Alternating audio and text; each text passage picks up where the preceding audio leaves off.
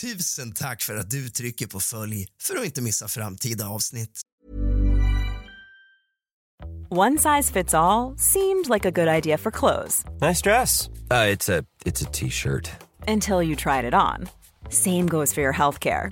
That's why United Healthcare offers a variety of flexible, budget friendly coverage for medical, vision, dental, and more. So, whether you're between jobs, coming off a parent's plan, or even missed open enrollment, you can find the plan that fits you best. Find out more about United Healthcare coverage at uh1.com. That's uh1.com.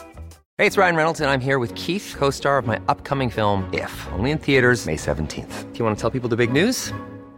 All right, I'll do it. Sign up now and you'll get unlimited for $15 a month in six months of Paramount Plus Essential Plan on us. Mintmobile.com slash switch. Upfront payment of $45 equivalent to $15 per month. Unlimited over 40 gigabytes per month. Face lower speeds. Videos at 480p. Active Mint customers by 531.24 get six months of Paramount Plus Essential Plan. Auto renews after six months. Offer ends May 31st, 2024. Separate Paramount Plus registration required. Terms and conditions apply if rated PG.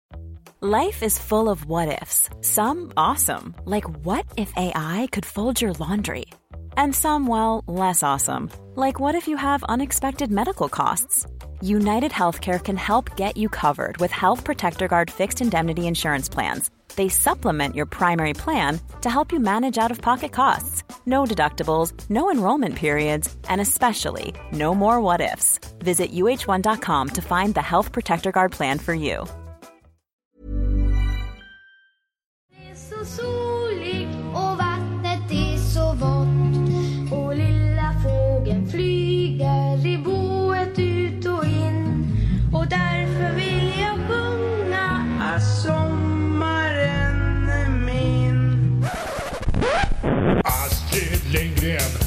Mördade Olof Palme. Massmord är bra! Hon är den bästa massmördaren här i stan. Astrid är bäst på massmord. Hon hugger ner en massa gamla gubbar. Häromdagen hörde jag en låt med en fruktansvärd text om en av Sveriges mest kära barnboksförfattare. Och jag tänkte, inte kan det väl vara så. Men ju djupare jag tänkte så funderade jag till slut. Hur skulle ett sånt scenario se ut? Det ska vi ta reda på idag. Nu kör vi.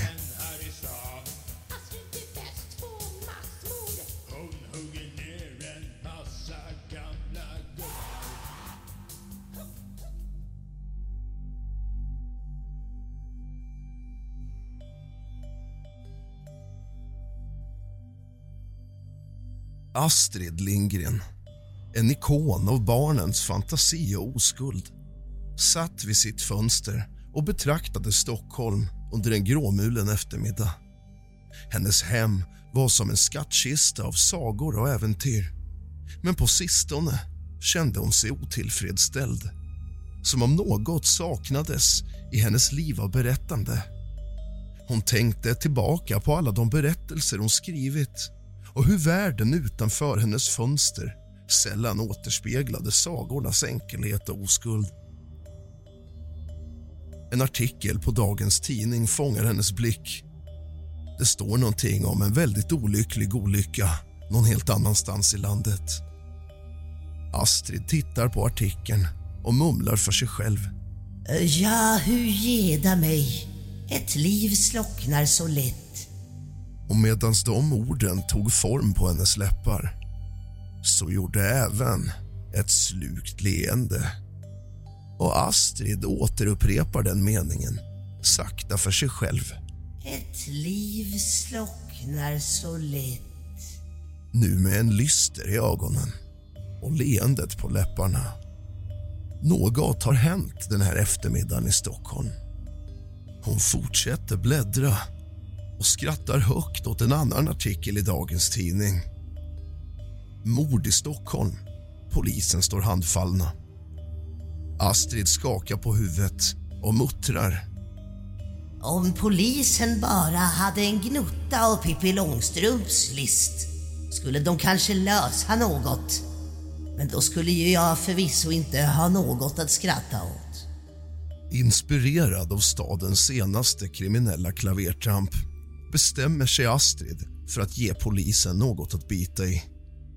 Dags att visa dessa klåpare hur ett riktigt mysterium ser ut. Tänker Astrid, idisslande på en penna.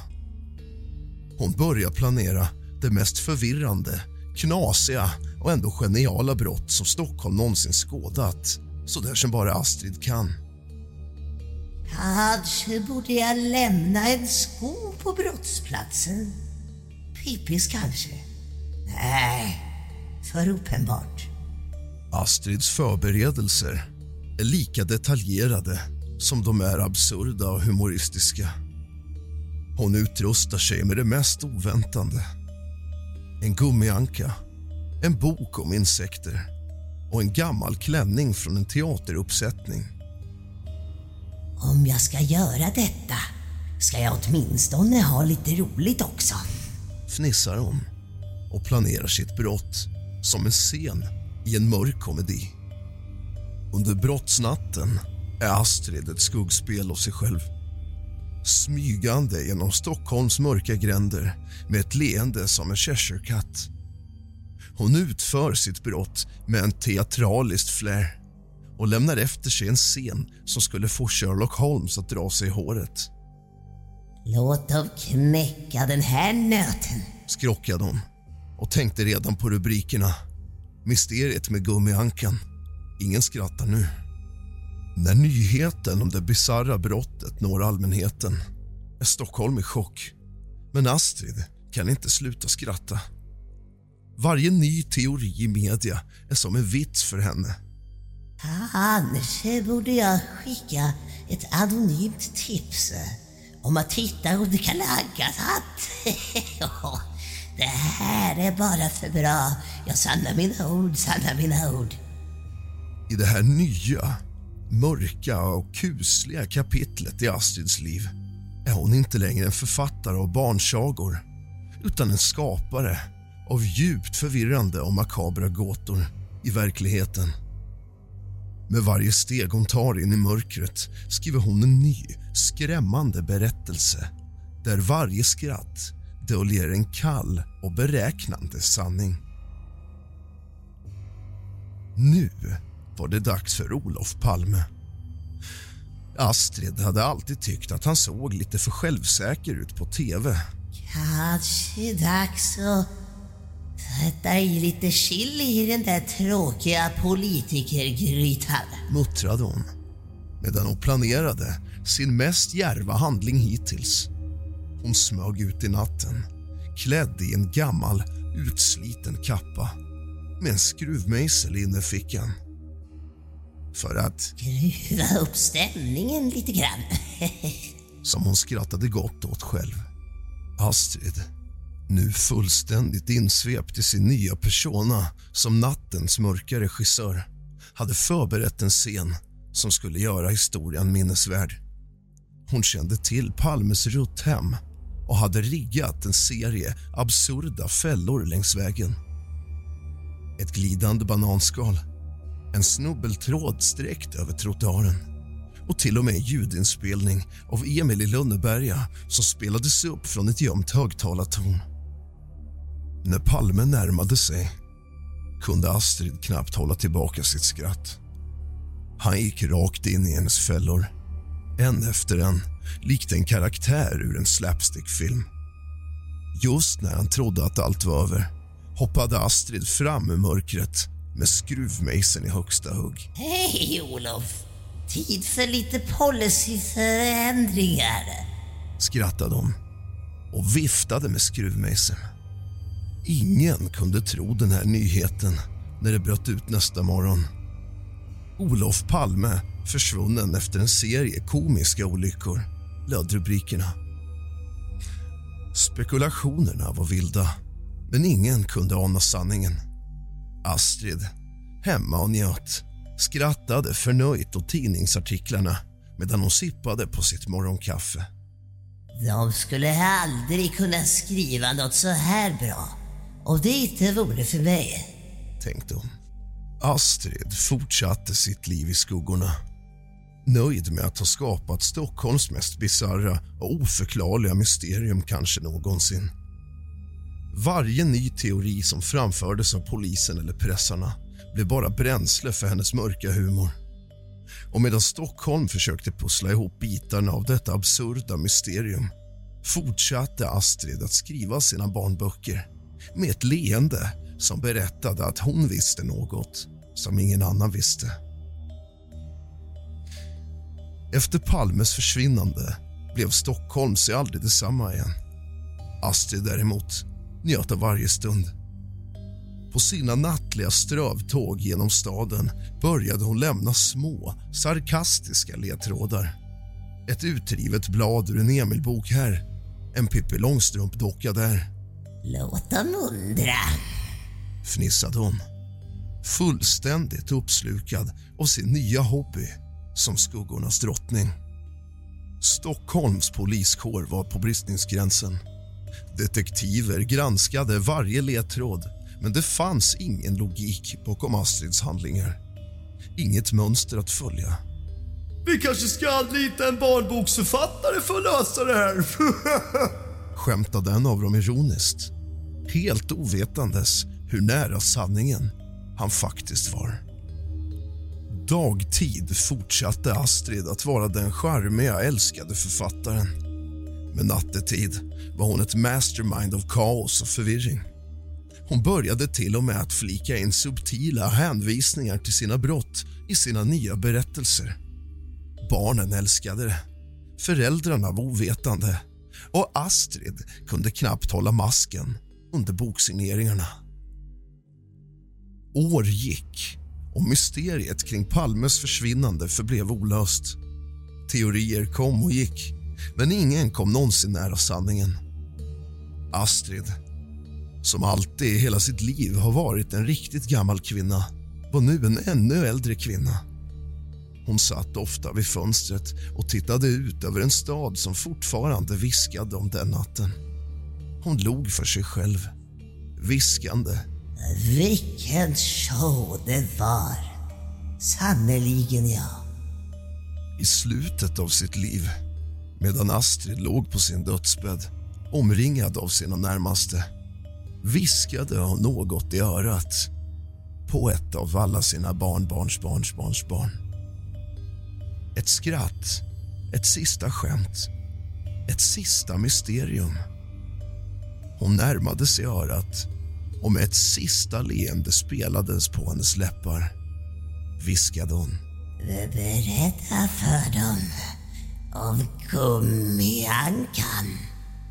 Och så avslutades Astrid Lindgrens mörka saga. En berättelse ingen skulle våga tro. En sanning gömd bakom ett liv fyllt av sagor och skratt.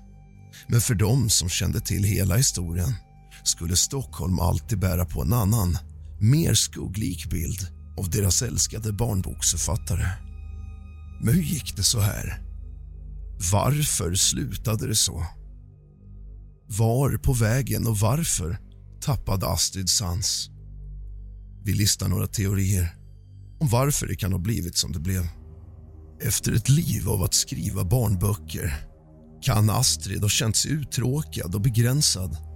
Brottens planering och utförande ger en spänning och utmaning som hon inte längre finner i sitt vanliga skrivande. Genom att orkestrera brott och undkomma upptäckt kan Astrid känna en form av allmakt. Detta kan särskilt vara tilltalande om hon i sitt vanliga liv känner sig maktlös eller förbissad. Astrids dykning in i en värld av brott kan vara ett sätt att fly verkligheten. Det kan vara ett tecken på en djupare psykologisk klyvning där hon separerar sitt författar-jag från sitt brottsliga jag. Astrids brist på empati för sina offer och självcentrering att njuta av uppmärksamheten och kaoset hon skapar kan tyda på narcissistiska drag. Det finns en konflikt mellan Astrids offentliga bild som älskad barnboksförfattare och hennes hemliga identitet som brottsling. Denna konflikt kan skapa psykologisk stress vilket kan leda till att hon ytterligare förstärker sitt brottsliga beteende för att rättfärdiga det för sig själv. Hennes tendens att införliva mörk humor i sina brottsplaner kan vara ett sätt att hantera de etiska och moraliska konflikterna i hennes handlingar. Det kan också vara ett sätt att distansera sig från brottens allvar.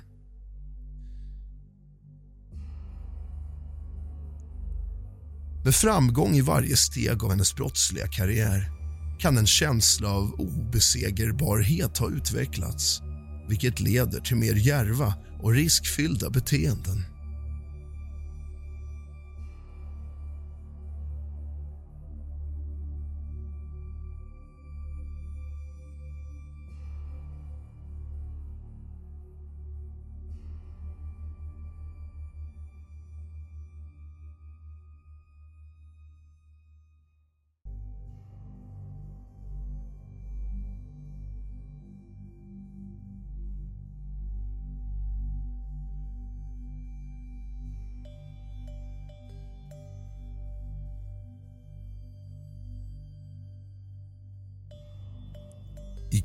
Hult i Lundeberga, där sommardagarna brukade sjunga av Emil i full färd med att skapa hyssens mästerverk, hade en kall vind blåst in.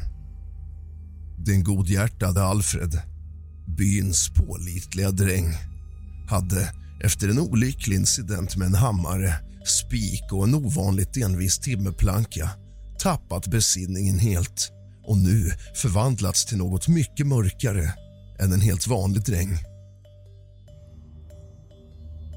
Det var inte längre mjuka kattungar och fluffiga kaniner som prydde Lundeberga utan nu en serie av Alfreds illdåd. Hans skämt hade en ny, morbid ton. Han smög runt i nattens mörker medan byn låg och sov och hans fötter lät inte längre ett knäpp på de välbekanta stigarna.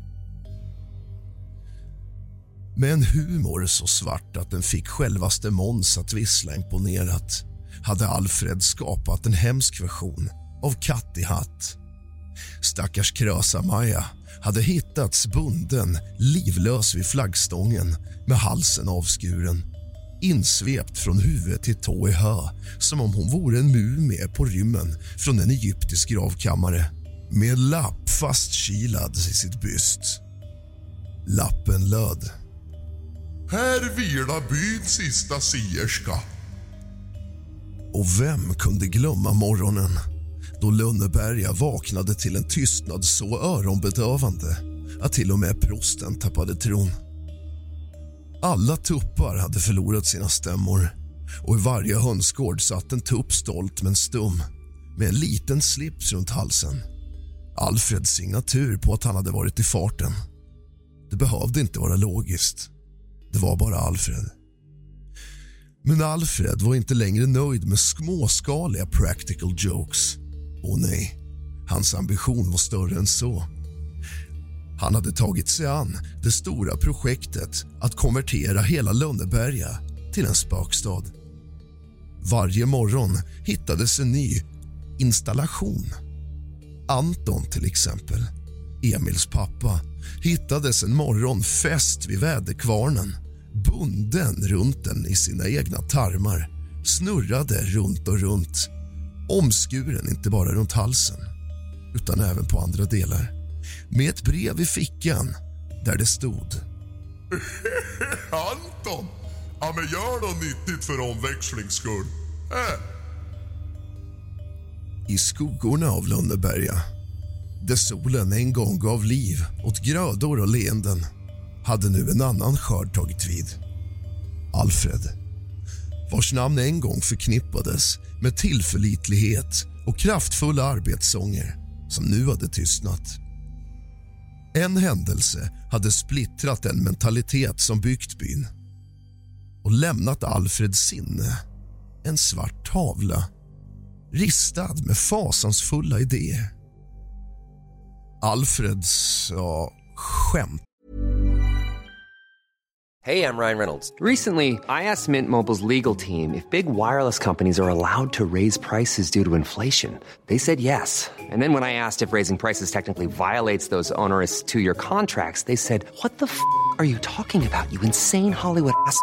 F- So to recap, we're cutting the price of Mint Unlimited from $30 a month to just $15 a month. Give it a try at mintmobile.com slash switch. $45 upfront for three months plus taxes and fees. Promo for new customers for limited time. Unlimited more than 40 gigabytes per month. Slows. Full terms at mintmobile.com.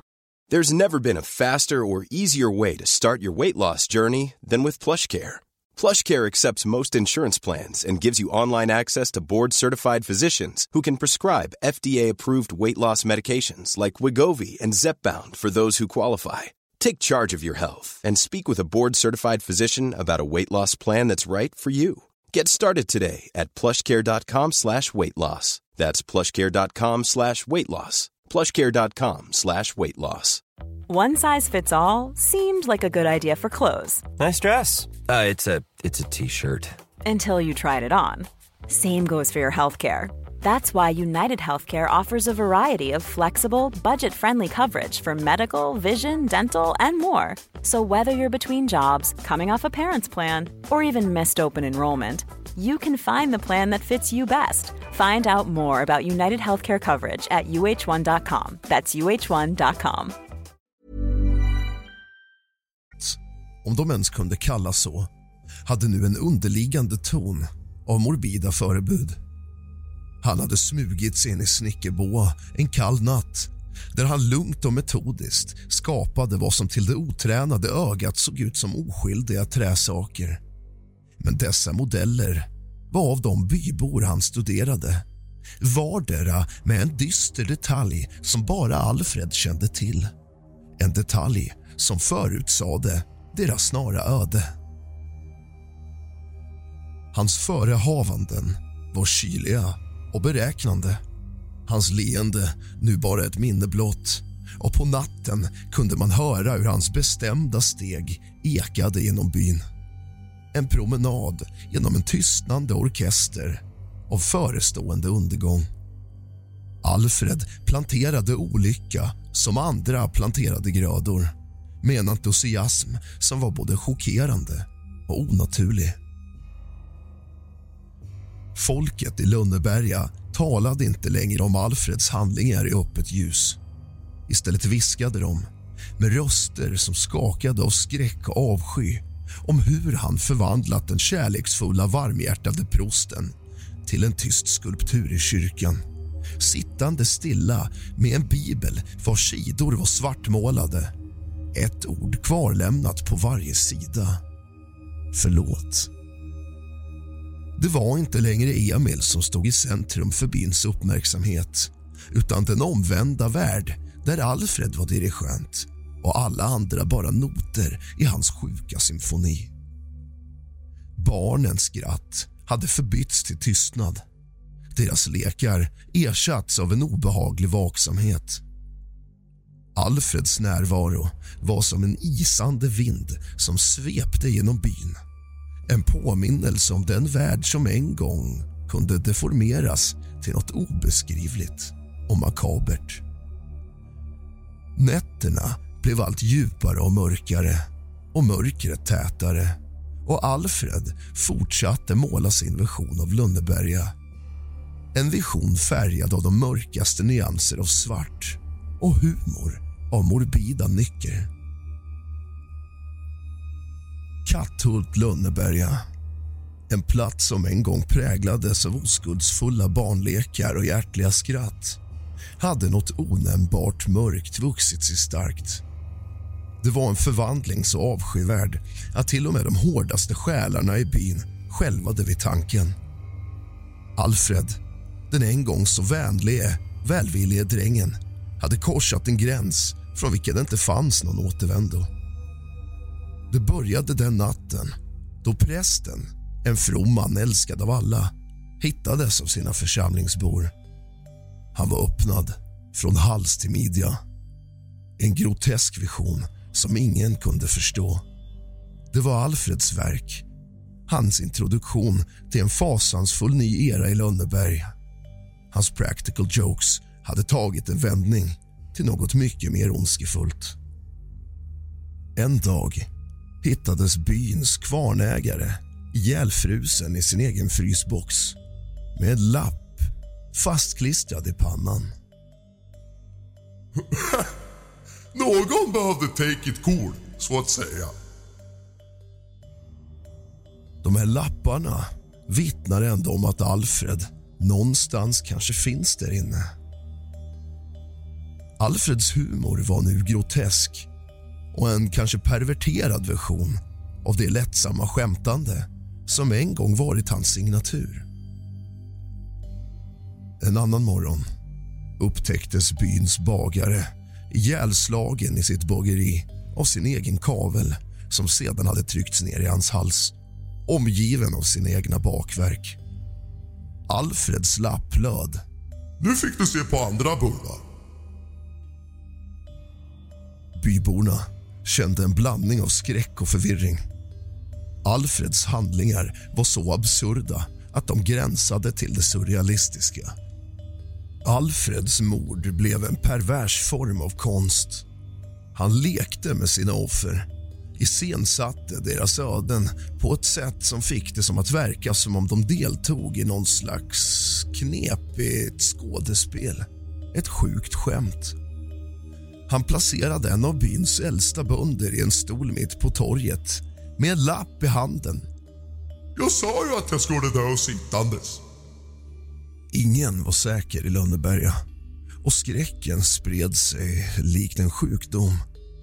Föräldrarna vågade inte längre låta sina barn leka ute. Nätterna, en gång fyllda av stjärnklara himlar och mjuka sommarbriser var nu en tid av vaka och ångest. Alfreds skräckregim fortsatte, oupphörlig och obarmhärtig. Varje nytt offer var ett mästerverk i död och vanvett och hans groteska humor var det enda som band samman dessa grymma handlingar. I Lönneberga hade mörkret nu tagit över och mitt i denna mörkrets kärna stod Alfred mer skrämmande och oförutsägbar än någonsin.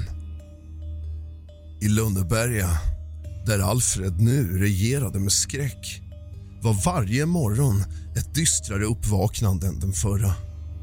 Hans groteska skämt var nu byns mörka, makabra verklighet.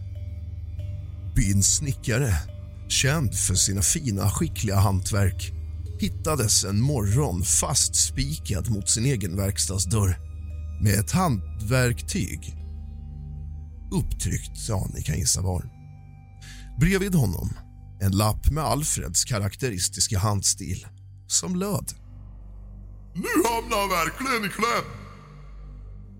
Korvfabrikanten, en ståtlig herre som ofta brukade skryta om sina korvskapelser hittades inlindad och kvävd i korvskinn hängande från byns stora ek upp och ner.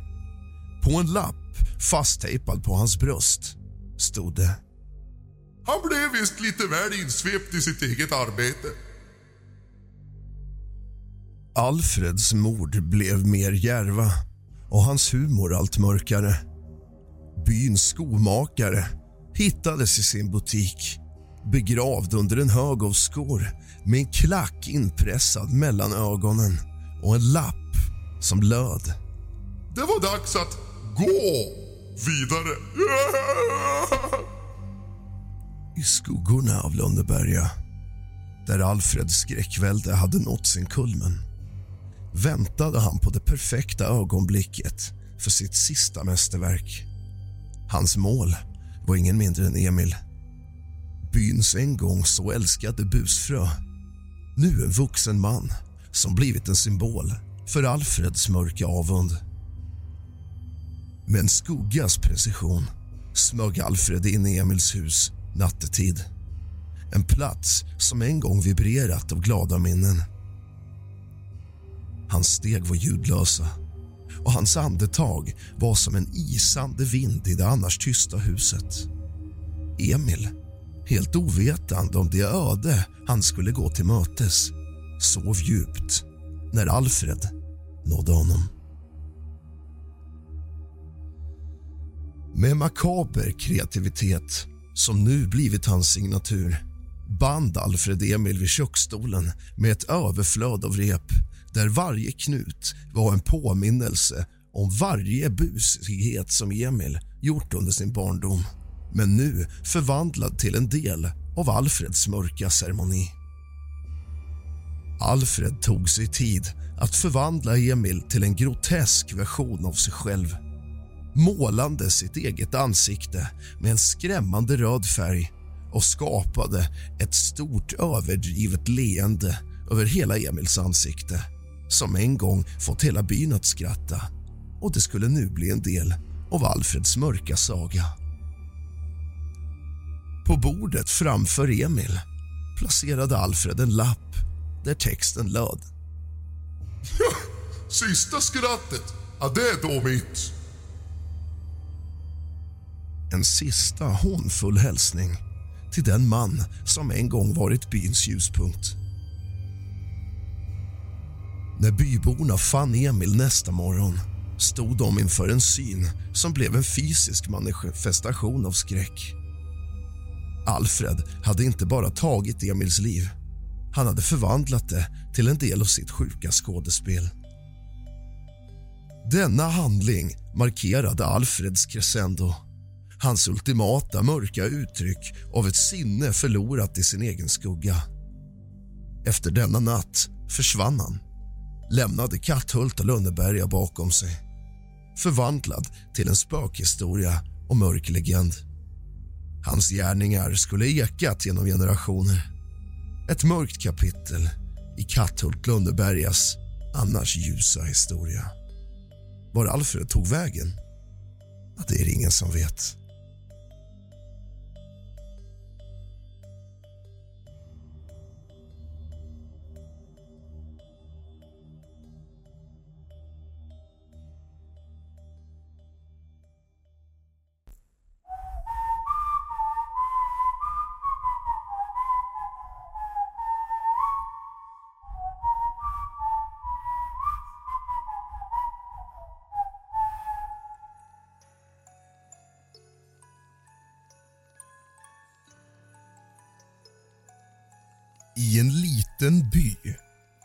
Omgärdad av mörka skogar och svept i en dimma av olust stod en gång Villa Villekulla. Huset, en gång fyllt av barnaskratt och äventyr hade förvandlats till ett spöklikt vrak med ekande, plågande skrik istället för skratt. Dess väggar, en gång målade i glada, ljusa kulörer var nu täckta av torkat blod kladdiga fläckar av öl, mörket trä och trasiga fönsterrutor. Pippi Långstrump, en gång den mest orädda och självständiga flickan i världen var nu en kvinna i sent 60-årsålder. Hennes liv hade tagit en mörk vändning i missbruk och destruktivitet. Hon var fortfarande lika stark, vilket gör henne omöjlig att övermanna.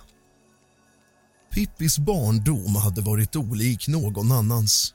Uppväxt i en enorm villa med en mamma i himlen och en pappa som var kung på Kurreduttön, en fjärran ö.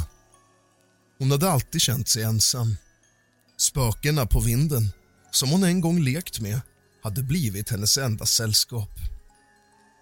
Pappans död lämnade henne med en enorm förmögenhet i guldpengar men inga band till verkligheten.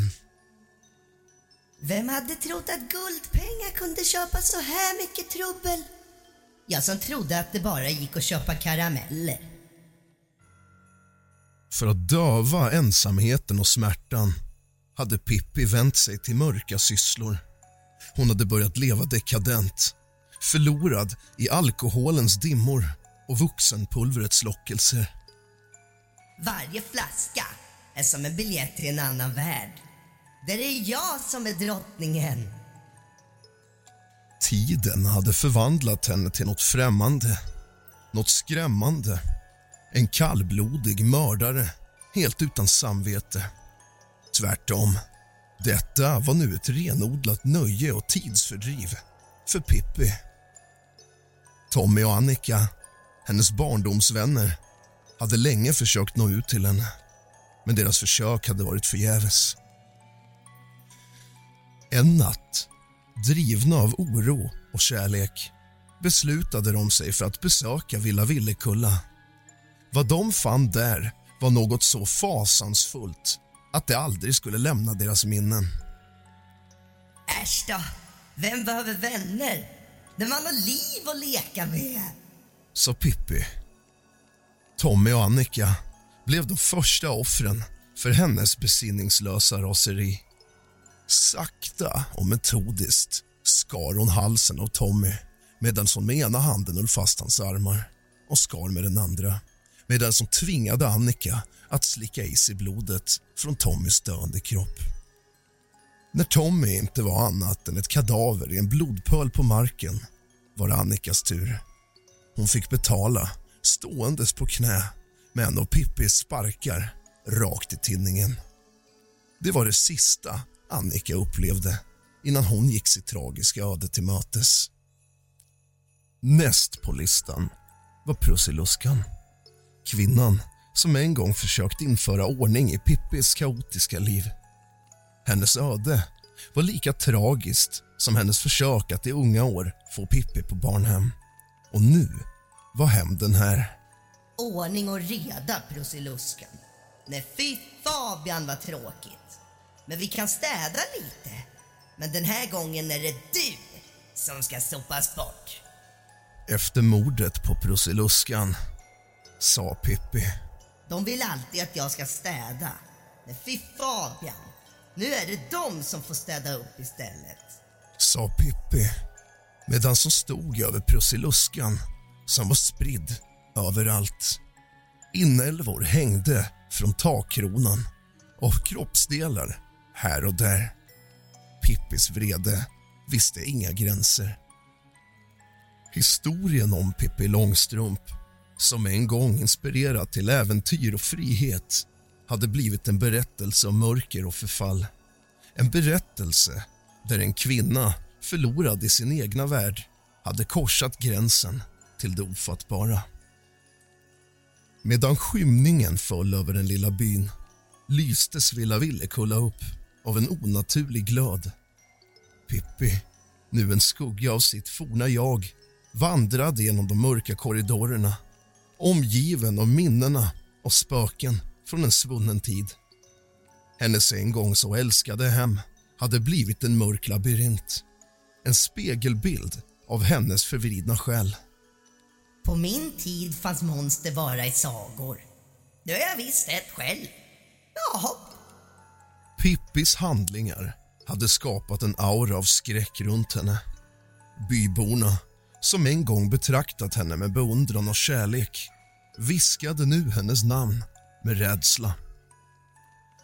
De sa att nätterna i Villa Villekulla var fyllda med skrämmande ljud. Krossat glas, skrik som snabbt tystnar och ett skratt som var så kallt och hånfullt att det genomborrade natten. Ingen vågade säga emot Pippi, som mitt i natten utbrast. Spöken! Varför är ni så tysta? Ni brukar vara riktiga pratmakare! Inte ens spökena, de enda vittnena till vad som faktiskt försiggick i Villa Villekulla, vågade säga någonting. Inom väggarna i det förfallna huset planerade Pippi sina nästa steg. Hon hade en ondskans list och en grymhet som inte kände några gränser. De som vågade sig för nära blev snabbt en makaber del. Hi, I'm Daniel, founder of Pretty Litter. Cats and cat owners deserve better than any old-fashioned litter. That's why I teamed up with scientists and veterinarians to create Pretty Litter. Its innovative crystal formula has superior odor control and weighs up to 80% less than clay litter. Pretty Litter even monitors health by changing colors to help detect early signs of potential illness. It's the world's smartest kitty litter. Go to prettylitter.com and use code ACAST for 20% off your first order and a free cat toy. Terms and conditions apply. See site for details. Planning for your next trip? Elevate your travel style with Quince. Quince has all the jet setting essentials you'll want for your next getaway, like European linen, premium luggage options, buttery soft Italian leather bags, and so much more. And is all priced at 50 to 80% less than similar brands. Plus, Quince only works with factories that use safe and ethical manufacturing practices. Pack your bags with high-quality essentials you'll be wearing for vacations to come with Quince. Go to quince.com slash pack for free shipping and 365-day returns. Even when we're on a budget, we still deserve nice things. Quince is a place to scoop up stunning high-end goods for 50 to 80% less than similar brands. They have buttery soft cashmere sweaters starting at $50, luxurious Italian leather bags, and so much more. Plus, Quince only works with factories that use safe, ethical, and responsible manufacturing. Get the high-end goods you'll love without the high price tag with Quince. Go to quince.com/style for free shipping and 365-day returns. Av hennes mörka lek. Varje rum i Villa Villekulla bar nu på spår av hennes brutala nöjen. Väggarna täckta av skrämmande teckningar. Golv fläckade med blod och rummen fyllda med ett obehagligt eko av desperation och förtvivlan. Efter Tommy och Annikas försvinnande och det fasansfulla ödet som mött Prussiluskan var det ingen som vågade närma sig Villa Villekulla. Pippi hade blivit en legend, en mörkrets furste i en saga som föräldrar använde för att skrämma sina barn till lydnad. Hennes namn blev synonymt med rädsla och mörker. Vem behöver en skattkista när man har en hel villa full av hemligheter? Och ännu, i skuggorna av det gamla huset fortsatte Pippi utforska djupet av sitt förvridna sinne omgiven av sina skatter och sitt förfall. Ensam härskarinna över sitt eget mörka rike. Om jag inte kan vara den bästa kan jag väl åtminstone vara den värsta? I Villa Villekullas trädgård, en gång en plats för lek och skratt utspelades en händelse som skulle komma att skaka byn till dess grund. Pippi, djupt försjunken i sin hammock och dekadenta livsstil låg i hammocken med en flaska sprit i ena handen och en osäker blick som speglade hennes kaotiska inre. Pippi, där hon låg full och uttråkad i hammocken började se sig omkring efter nya liv att leka med. Och där nere, precis till grinden till Villa Villekulla kommer två nu föråldrade men ändå välbekanta ansikten.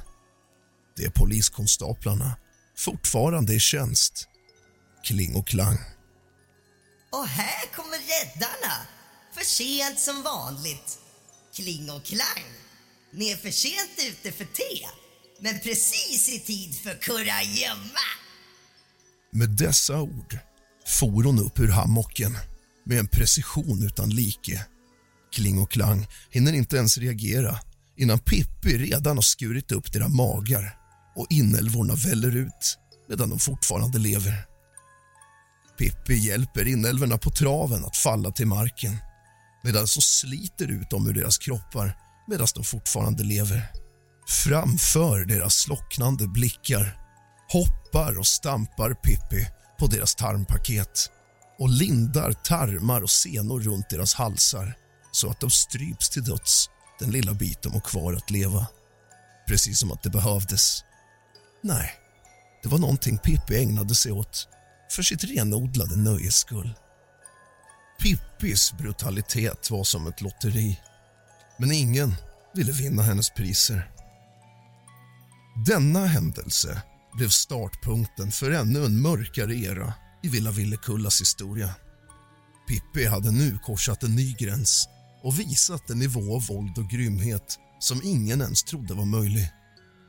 Byborna, som om de inte redan var fyllda av skräck blev nu helt förlamade av rädsla. Pippi Långstrump, en gång en symbol för frihet och äventyr hade nu blivit en levande mardröm. En skugga som hängde över dem alla. Efter den fruktansvärda händelsen med poliserna Kling och Klang spreds en ännu tyngre skugga över Villa Villekulla och den lilla byn. Byborna, som tidigare bara hade viskat om Pippis gärningar var nu tysta av skräck. Hennes namn blev synonymt med död och förfall. En påminnelse om det mörka som kan döljas inom en människa. Pippi, som nu helt med avsikt tappat greppet om den tråkiga verkligheten fortsatte sin ondskefulla tillvaro i villan. Hon förvandlade sitt hem till en fästning full av fällor och faror för den som vågade närma sig. Villa Villekulla blev känd som en plats där själen försvinner vare sig du vill det eller inte. Du har inget val. Omgiven av en tung, nästan påtaglig aura av rent mörker. Byns invånare undvek att passera nära huset och de som var absolut tvungna att göra det skyndade sig förbi med sänkta blickar och hjärtan fyllda av rädsla. Ingen vågade längre ifrågasätta eller konfrontera Pippi Långstrump. De fasansfulla ryktena om Långstrumps gärningar fortsatte att spridas växande sig allt starkare för varje ny person som försvann.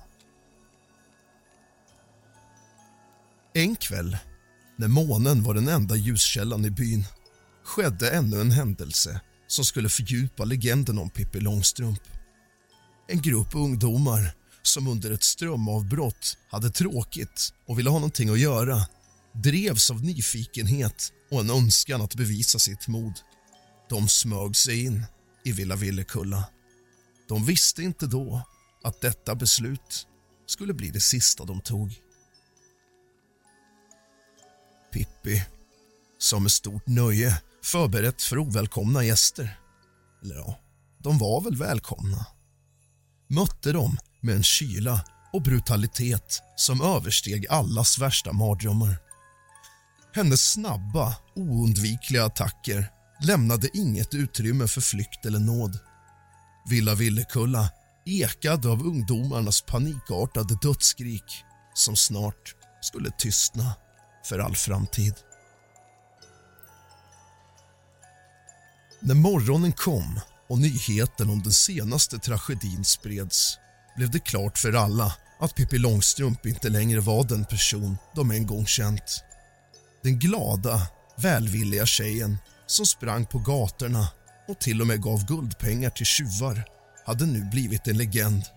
En skräckinjagande figur. Ett varnande exempel på vad som kan hända när mörkret tar över själen. Inte Pippi emot. Allt eftersom tiden gick blev Pippi Långstrumps våldsamheter allt mer frekventa och brutala. Hennes metoder var kallblodiga och obarmhärtiga och hennes offer valdes utan någon synbar anledning vilket skapade en ständig skräck i byn. Hennes rykte som en obeveklig mördare växte sig starkare för varje nytt offer som drabbades av hennes händer. Hennes handlingar var fruktansvärda i sin detaljrikedom, uppfinningsrikedom och grymhet. I ett fall lurade hon upp en grupp vandrare till Villa Villekulla med löften om skydd och vila. När de väl var inne i huset låste hon dörrarna och började sin skrämmande lek. De vandrarna som försökte fly mötte snabbt sitt öde i Pippis händer som med iskall precision, men nöje, avslutade deras liv. I en annan händelse lockade hon in en handelsresande in i sin villa. Mannen, ovetande om Pippis rykte, trodde att han skulle göra en förmögen affär. Istället blev han fångad i en fälla av skräck och smärta vilket slutade med att Pippi kallblodigt tog hans liv och gömde hans kropp i källaren. Hur kunde det bli så här? Dåligt inflytande från Dunder Karlsson och Blom. De sökte sig till Villa Villekulla i tid och otid, ur och skur, året runt, dygnet runt till den grad att Pippi till slut bjöd in dem för att bo med henne. Dunder Karlsson och Blom hade sedan länge stadiga missbruksproblem som Pippi fick bli en del utav. De drogade tillsammans i Villa Villekulla och det var så Pippi började sitt substansmissbruk och sin alkoholism. Och det var här hela hennes personlighet förändrades. Hon hörde inte av sig till sina vänner som Tommy och Annika och de var oroliga över Pippis nya umgänge.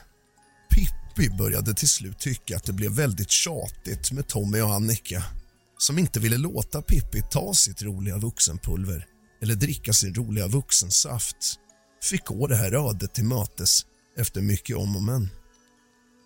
Pippis psyke förföll allt mer och hennes handlingar blev allt mer oförutsägbara och våldsamma.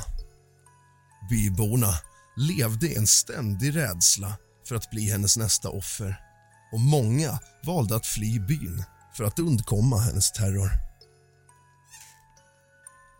Till slut kom dagen då Pippi inte längre kunde fly från konsekvenserna av sitt destruktiva leverne.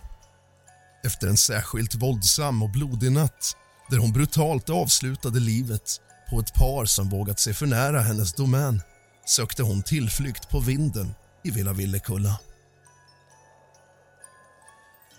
Där, omgiven av gastar och minnen från en svunnen tid och ekon av skratt som sedan länge tystnat tog Pippi sin tillflykt till flaskan och det vuxenpulver hon blivit beroende av. I sin ensamhet tog hon en överdos vilket ledde till hennes tragiska slut. Hennes kropp hittades dagen därpå av en modig bybo som vågat sig in i huset för att söka efter försvunna släktingar. Pippi Långstrumps död markerade slutet på en skrämmande era i byns historia. Villa Villekulla, en gång en plats av glädje och äventyr hade blivit en symbol för skräck och mörker. Även om Pippi nu var borta skulle hennes handlingar och skräckinjagande arv hon lämnade efter sig aldrig glömmas av de som överlevde hennes terror. Efter Pippis död blev Villa Villekulla ett övergivet, skräckinjagande monument där ingen knappt fortfarande vågade gå in. Hennes närvaro, fortfarande lika kännbar som innan hon dog.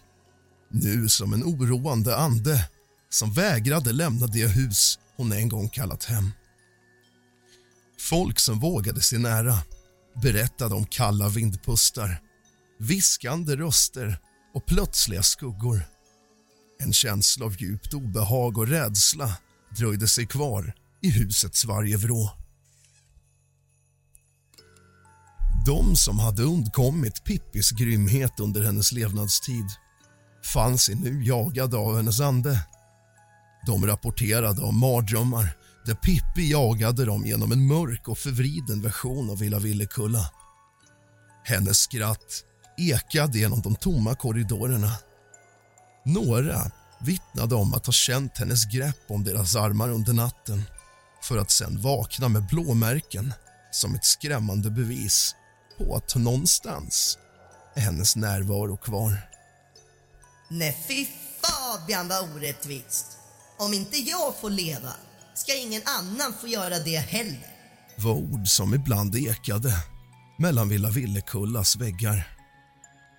Till slut blev huset en plats som alla undvek. En mörk fläck i byns historia. Något som kommunen inte vågade riva. Pippis ande blev en ständig påminnelse om de fasor som en gång i tiden utspelade sig bakom dessa väggar. Och där, i den mörka skuggan av Villa Villekulla viskar vindarna fortfarande hennes namn. Ett eko av en förfluten tid fylld av skräck och mörker. Och så avslutas berättelsen om Pippi Långstrump. En saga som började med äventyr men slutade i en vålnads kalla omfamning. God natt. Sov gott.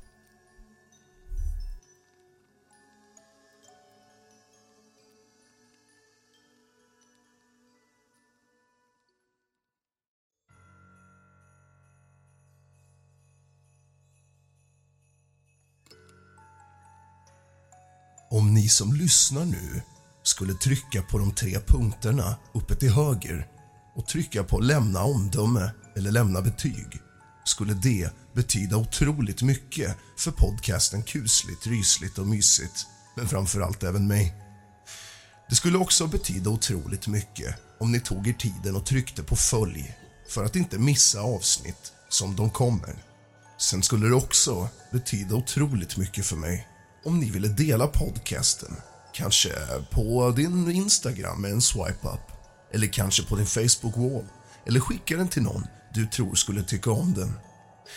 Det är poddens tillväxt som får podden att fortsätta och fortfarande vara rolig. Podden växer, men den kan aldrig växa för mycket. Och när ni tillkommer och jag ser att kurvan stiger i tillkomna lyssnare så motiverar det mig så mycket till att bli ännu mer taggad och producera fler avsnitt åt er. Så att det blir en win-win situation. Ni får fortsatt gratis lyssnande och jag får några fler lyssnare. Nu ska inte jag ta upp din tid längre och du behöver naturligtvis inte göra någonting av detta. Men jag skulle uppskatta det otroligt mycket och det tar dig inte lång tid om du är en frekvent lyssnare av podden. Jag älskar dig, din söta jävel. Nu rullar vi dagens läskiga avsnitt.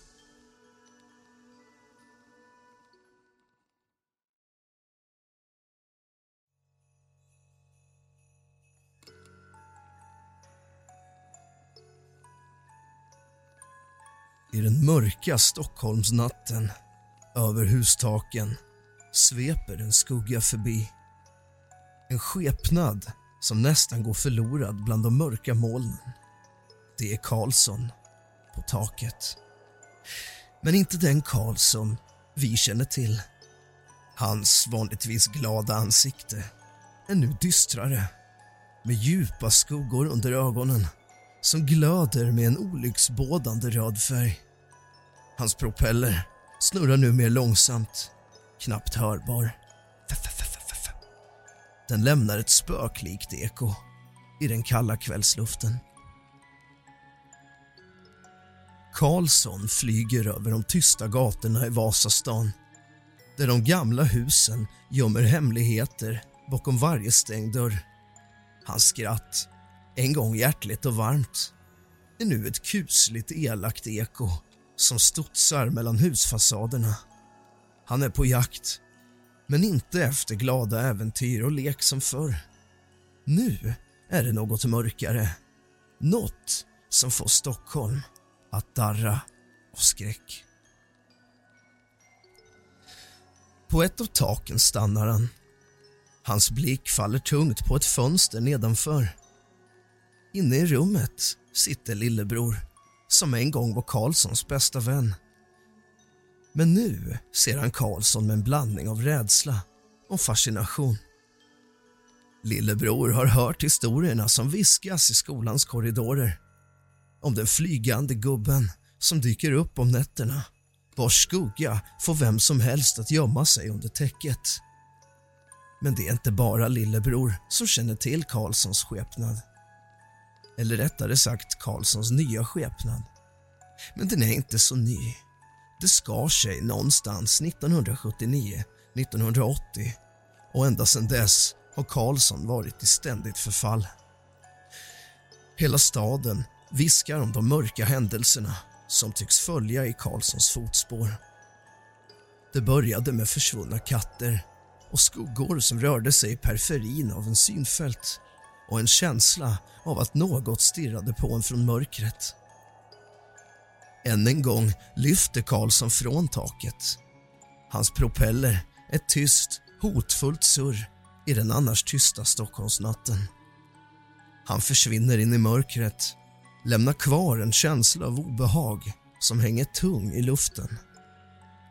Stockholm sover nu mer oroligt och i drömmarna viskar en röst. Karlssons röst, men förvandlad till något mer främmande och skrämmande.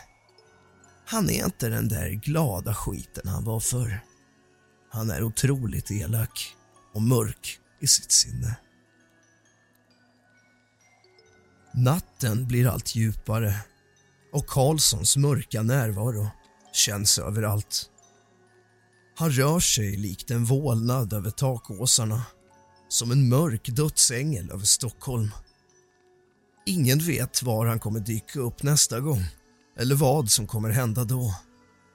Hans skugga faller över sovrum och hans andedräkt känns mot fönsterrutor i tysta, ovetande hem. Nere på gatorna patrullerar polisen. Deras ficklampor skapar små öar av ljus i mörkret. De letar efter bevis. Ett spår av den Karlsson de en gång trodde sig känna. Men han är alltid ett steg före. Ett spöke som driver med dem. I ett rum högst upp i ett gammalt hus sitter en mycket gammal kvinna vid sitt fönster. Hon blickar ut. Hon ser Karlsson. Hennes ögon fyllda av en djup förståelse. Hon har levt länge, sett mycket och hon vet att något har väckt en gammal ondska i staden. En ondska som nu tagit formen av Karlsson. Hon mumlar en bön, inte för sig själv utan för själarna som Karlsson jagar i nattens mörker.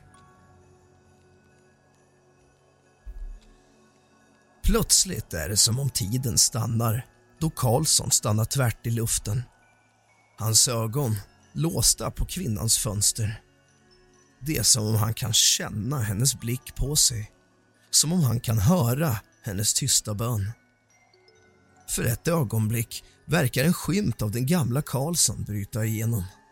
Ett ögonblick av förvirring, av smärta. Men det varar inte länge.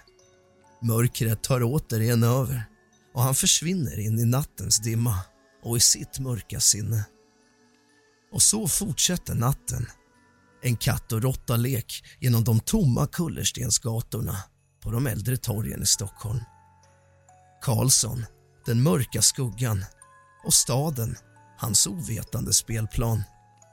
En skrämmande berättelse som ingen vågar eller vill tro är sann, men som alla fruktar. Stockholm kommer aldrig bli detsamma igen.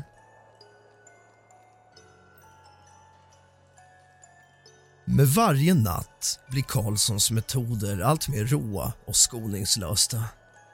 Han rör sig inte längre med den minsta tvekan eller medlidande alls överhuvudtaget. Hans hjärta, en gång stort, rött, varmt fyllt av värme och skoj verkar nu vara en förkolnad liten skitbit eller ett isblock av ren, obeskrivlig ondska. Hans ögon glöder med en blodröd färg som om de spelar all den smärta och terror han sprider för nöjes skull. Karlsson börjar använda mer raffinerade och skrämmande metoder för att sprida skräck i Stockholm. Han lämnar kryptiska meddelanden på sina brottsplatser skrivna i sina offers blod med tecken som ingen kan tyda. Han leker ett makabert spel med polisen. Alltid ett steg före. Alltid lika oberäknelig. Det sägs att han ibland står och stirrar in genom fönstren på sina potentiella offer långa stunder innan han slår till. Hans tysta men intensiva närvaro fyller rummen med en isande kyla. Offren, fångade i en frysande skräck, kan bara vänta vetande att deras öde är beseglat. I en särskilt fasansfull händelse bryter sig Karlsson in i ett hus där en familj ligger och sover. Han går från rum till rum, tyst som en skugga och skär halsen av dem allihopa. Till han står vid sidan av deras sängar. De vaknar aldrig igen. Staden finner dem nästa morgon liggandes i sina sängar med sina halsar avskurna, marinerade i sitt eget blod med symboler ristade på väggarna som bara Gud och Karlsson vet vad de innebär. Karlssons gärningar blir mer än bara kallsinniga mord. De blir ett uttryck för ren och skoningslös ondska. Stockholm är inte längre säkert. Varje hörn döljer en dödlig fara. Karlsson, en gång en del av stadens charm, har nu blivit dess värsta mardröm. Skräcken för honom är påtaglig och hans namn viskas på gatorna med rysningar och fruktan. Stockholms gator ekar tomma när natten faller. Fönstren är stängda och dörrarna låsta. Men invånarna vet att det inte finns någon riktig säkerhet. Så länge Karlsson flyger i nattens mörker är ingen någonsin riktigt trygg. Natten kryper vidare och Karlsson, nu ett spektrum av ren ondska svävar genom Stockholms gator med en ny förskräckande intensitet. Hans ögon, glödande mer intensivt än någonsin av renodlat hat avslöjar en själ förlorad i mörkrets djupaste avgrund. Men han trivs där och verkar vilja stanna där. Han är inte längre en busig figur från sagorna utan en gestalt som frammanar ren skräck i den riktiga verkligheten. Hans propeller, en gång ett tecken och symbol för glädje och frihet är nu ett lika kusligt som fascinerande instrument i hans arsenal av skräck. Det surrande ljudet är som en dödsruna, ett löfte om de faror som väntar. Stockholms invånare känner direkt igen ljudet. En kylig varning som får deras hjärtan att slå hårdare. Karlsson förvandlar nu sitt fokus till de mest oskyldiga, barnen. Han flyger över lekplatser och skolgårdar när mörkret faller lämnar efter sig en känsla av obehag och fruktan bland barn.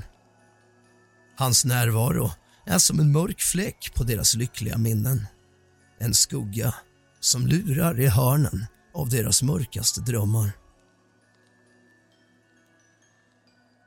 I en särskilt obehaglig händelse lyckas Karlsson kidnappa ett barn försvinner in i nattens dimma med barnets skrik ekande genom gatorna. Stadens polis hade fått nog. En desperat jakt påbörjas och de intensifierar sina ansträngningar. Men Karlsson är som en spökbild. Alltid ett steg före, en skugga bland skuggor. Men för varje försvinnande, med varje skrik som ekade genom Stockholmsnatten växte legenden om den mörka Karlsson. Föräldrar berättar för sina barn att de ska hålla sig inne när solen går ner och ögon spanar rädda mot himlen. Stockholm, en gång en levande och glad stad, är nu en plats där skräcken attackerar från ovan och lurar bakom varje hörn. Karlssons metodik blir allt mer avancerad och skrämmande. Han använder sig av psykologiska spel, manipulerar sina offer och deras familjer, lämnar ledtrådar som bara ökar skräck men inte leder någonstans. Han är inte längre bara en fysisk hotbild utan en mörk kraft som förgiftar hela stan med fruktan. I ett djärvt försök att stoppa honom organiserar stadens invånare en vaktpatrull. Men Karlsson nu en mästare av skuggornas konst, lyckas undvika varje desperat försök att fånga honom. Hans elaka skratt var en gång glatt och ett tecken på glädje men det är numera ett hånfullt eko som hemsöker nätterna. Berättelsen om Karlsson blir en varningssaga. En mörk legend som sprids världen över. Stockholm, en gång känd för sin skönhet och kultur är nu en plats där ondskans skugga ständigt svävar. Och så länge natten faller och Karlssons propeller hörs i fjärran kommer rädslan att vara närvarande i varje Stockholmsbo. En stad under belägring av skräck där Karlssons skugga för alltid kommer att minnas dem om nattens mörkaste hemligheter. I det dunkla skenet av gatlyktorna förvandlas varje skugga varje vrå i Stockholm till ett potentiellt gömställe för Karlsson. Stadens hjärta slår nu bakut i takt med ett oroligt väsen, en otrolig rädsla och varje vindpust genom de tomma gränderna tycks bära med sig ett viskande av hans namn. Natt efter natt, medan staden ligger insvept i en rastlös sömn fortsätter Karlsson sina skrämmande utflykter. Hans grymhet känner inga som helst gränser och hans närvaro kastar en mörk slöja över stadens en gång så levande gator. Hemligheten om vad som driver honom, vad som förvandlat honom till denna monstruösa skepnad förblir ouppklarad. Kanske var det så här Astrid ville ha det.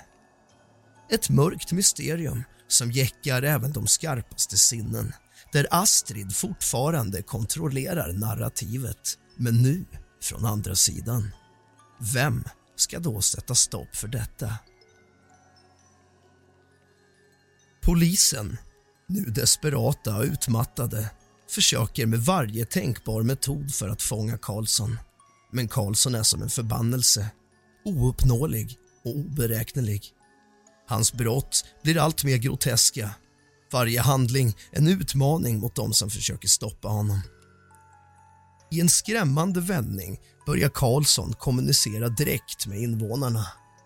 Genom kryptiska meddelanden lämnade på ovetande platser berättar han om sina planer i syfte att skapa mer psykologisk stress och terror. Han skapar en atmosfär av konstant osäkerhet och fruktan och hans kreativitet och lekfulla sätt vet inga gränser. Men nu på ett mörkare sätt. Hans ord är som gift och sprider sig genom samhället och fördjupar den redan rådande paniken. I denna mörka tid börjar rykten och spekulationer att florera. Vissa tror att Karlsson är en hämndens ande återuppstått för att straffa staden för en gammal synd. Andra ser honom som en manifestation av ren ondska. En mörk kraft utan riktig orsak eller mål. Mitt i denna olycka växer en motståndsrörelse. En grupp modiga själar som till slut vägrar låta skräcken ta över deras liv. Denna grupp, bestående av vanliga medborgare och några modiga poliser, bildar en plan för att fånga Karlsson. För en gång för alla sätta stopp för hans skräckvälde. Medan mörkret faller över takåsarna i Vasastan utrustade med ljus och ljudutrustning redo att locka fram och konfrontera den flygande skuggan väntar de, spända och beslutsamma medan natten sveper in över Stockholm med sitt dunkla grepp. Plötsligt, i det bleka månljuset, skymtar de på himlen en figur i fjärran som närmar sig. Karlssons propeller hörs som ett avlägset, ondskefullt muller som ett löfte om död och ondska. Och snart är han där, svävande precis ovanför dem. Hans ögon lysande av ondska. En tyst stund uppstår. En spänd förväntan fyller luften. Då bryts stillheten. Med ett samordnat anfall riktar gruppen sitt ljus och ljud mot Karlsson i ett försök att överväldiga honom. Karlsson, som nu är en förkroppsligad mardröm, sveper ner från skyn med en skrämmande precision och kraft. Hans rörelser är snabba och precisa. Ett vittnesbörd om hans övernaturliga förmågor.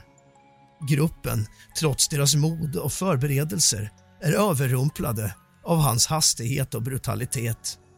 Han attackerar dem, en efter en, hugger saxar i deras ögon, trycker upp knivar i deras bakdelar. Ondskan vet inga gränser, och inte Karlsson heller. Hans grymhet lika chockerande som den är effektiv. Ljudet av strid, skräck och skrik fyller natten. Ett våldsamt kaos som ekar genom gränderna i Vasastan. Karlsson visar ingen som helst nåd, ingen tvekan. Hans varje slag är dödligt och oåterkalleligt. Medlemmarna i gruppen faller döda. En efter en dör de som flugor. Deras tappra försök att stoppa honom krossas av hans överväldigande kraft. De som en gång stod enade i sitt hopp om att besegra mörkrets Karlsson ligger nu brutalt utspridda tillsammans med sina inälvor över hustaken i Stockholm. Ett tragiskt bevis på Karlssons obeskrivliga ondska. När morgonen gryr och stadens invånare vaknar till en ny dag möts de av nyheterna om nattens fasansfulla skräckhändelser. Skräcken som de kände tidigare förvandlas nu till en mer djup och förlamande terror. Hjälplösa. Karlsson, som nu är mer än bara en skugga har visat sig vara en oslagbar kraft av ren ondska och förgörelse. Polisen och myndigheterna står maktlösa. Deras metoder och strategier värdelösa mot en fiende som tycks stå utanför all förståelse och kontroll. Stadens gator blir tysta och övergivna när mörkret faller. Invånarna lamslagna av rädsla för vad som kan hända. Och en sak är säker. Karlsson togs aldrig fast. Och än idag kan man fortfarande höra det dova, ondskefulla mullret från hans propellrar. God natt. Sov gott.